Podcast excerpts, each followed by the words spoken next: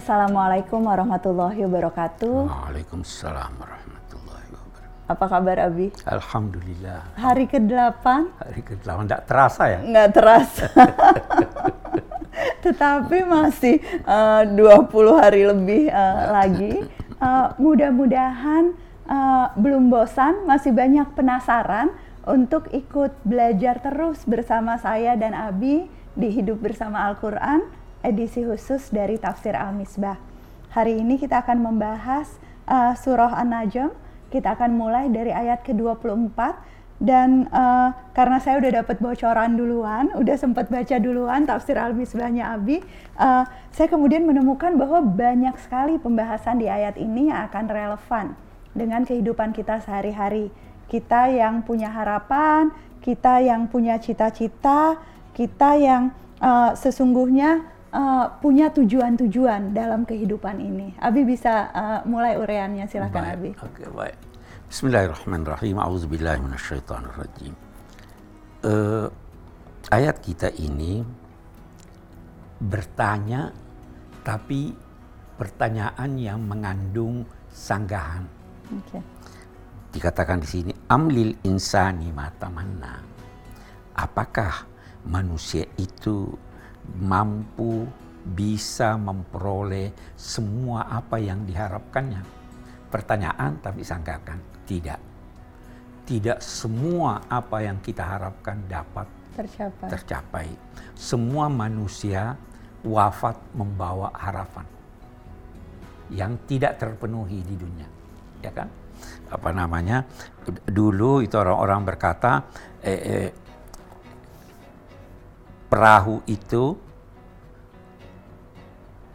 diarahkan oleh angin yang tidak dikehendaki oleh penumpangnya. Jadi begitu. Oke.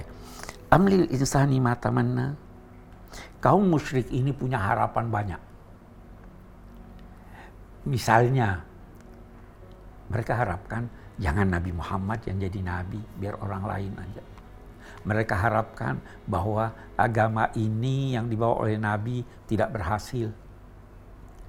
Eh, mereka harapkan agar supaya mereka mendapat kedudukan yang tinggi. Manusia semua punya, harapan. Nah, dia boleh berusaha untuk mencapai harapannya, tapi dia harus ingat bahwa di atas dia ada Tuhan. Ada kuasa Allah. Ada kuasa Allah. Amlil insani mata mana maka dinyatakan harusnya falillahil akhiratu wal ula. Milik Allah. Yang mengendalikan ini semua adalah Allah baik di dunia maupun di akhirat. Nah, tapi Abi mau berkata begini, jangan kalau begitu berkata kalau begitu uh, apa namanya pasrah udah aja. kita uh, pasrah aja. Eh, kemarin Abi ada dapat eh, pertanyaan dari orang Qul la yusibana illa ma kataballahu lana. Ucapkanlah bahwa tidak ada yang menimpa kami kecuali apa yang ditetapkan Allah pada kami. Jadi katanya, udah deh, tidak usah peduli dengan corona, kita tidak akan ditimpa kecuali nah, itu penafsiran yang keliru. keliru. Kalau sudah terjadi apa yang anda eh, hmm, tidak harapkan, kembalikanlah pada Allah. Ini kehendak Allah. Tapi kehendak Allah itu ada yang dia kaitkan dengan pemenuhannya akibat usaha manusia yang direstui Allah.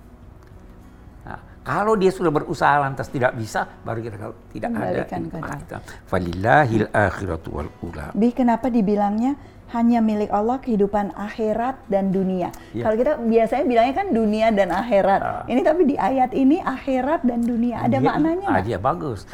Antara lain yang Abi tergambar sekarang. Ya, antara lain bahwa penekanannya pada akhirat karena di sana jelas sekali kehendak Allah. Okay. Itu sebabnya juga di surat Al-Fatihah dikatakan Maliki Yaumiddin, pemilik hari pembalasan akhirat. Karena di dunia masih ada orang yang tidak akui Tuhan. Maka di sini dinyatakannya, hei Allah yang menentukan, yang di akhirat dia sendiri, tidak ada yang lain yang bisa berusaha untuk itu. Atau- Semuanya, apa pun harapan kita tentang kehidupan akhirat, itu sesungguhnya dan sudah tidak bisa akhirat. ada usaha. Dan nggak ada usaha lagi. Ya kan? Ah, tapi di dunia kita usaha. Nah, untuk membuktikan itu, lanjutan ayat ini menjawabkan, wa kam mim malakin fis samawati la tughni syafa'atuhum syai'a illa min ba'di an ya'zanallahu lahu liman yasha'u wa yarda. Semua malaikat kam min biasanya orang ber- be- mengatakan eh, banyak di antara malaikat. Tapi sebenarnya maksudnya di sini bukan banyak. Karena kalau kita berkata banyak, ya ada satu dua yang bisa. Betul. Tidak. Maksudnya di sini semua malaikat. Malak. Malak itu bentuk tunggal dari malaikat. Beda dengan bahasa Indonesia kan. Malaikat, Malaikat itu satu. tunggal. Nah. Sebenarnya itu bentuk jamak. Malak itu malak itu artinya eh, utusan.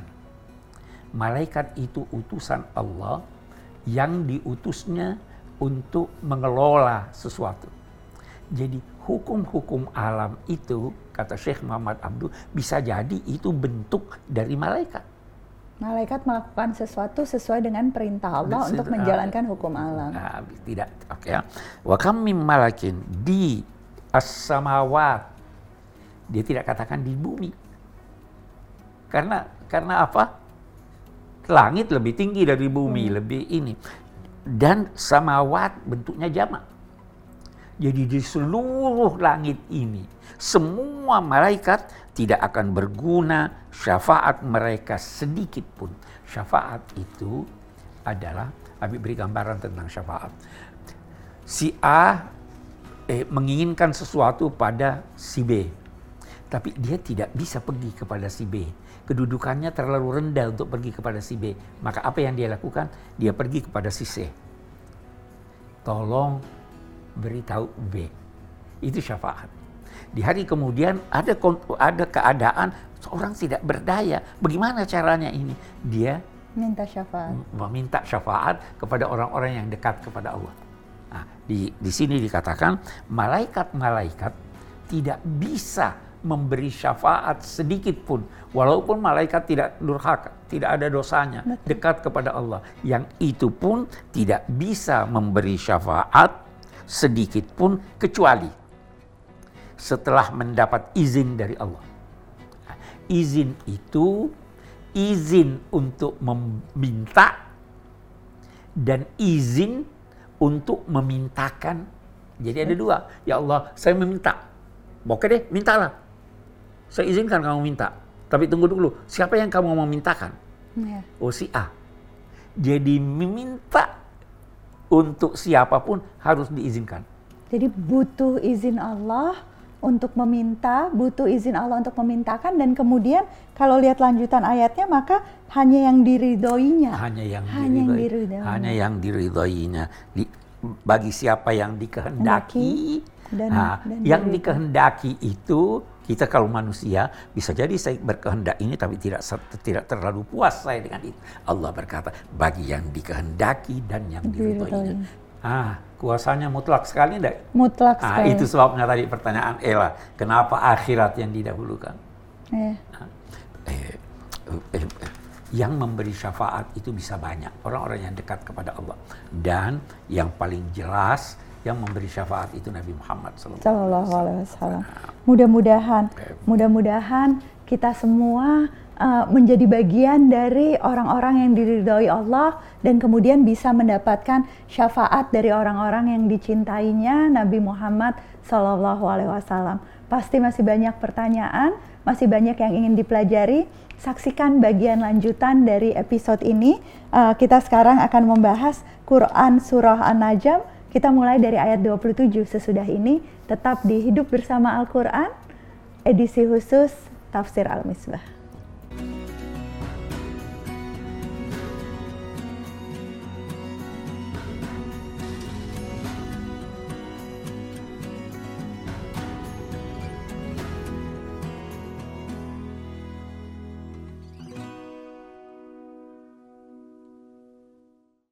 Jariustad.id adalah sebuah platform yang membantu menghubungkan umat dengan jaringan ustadz dan ustazah yang ramah dan kompeten di seluruh Indonesia.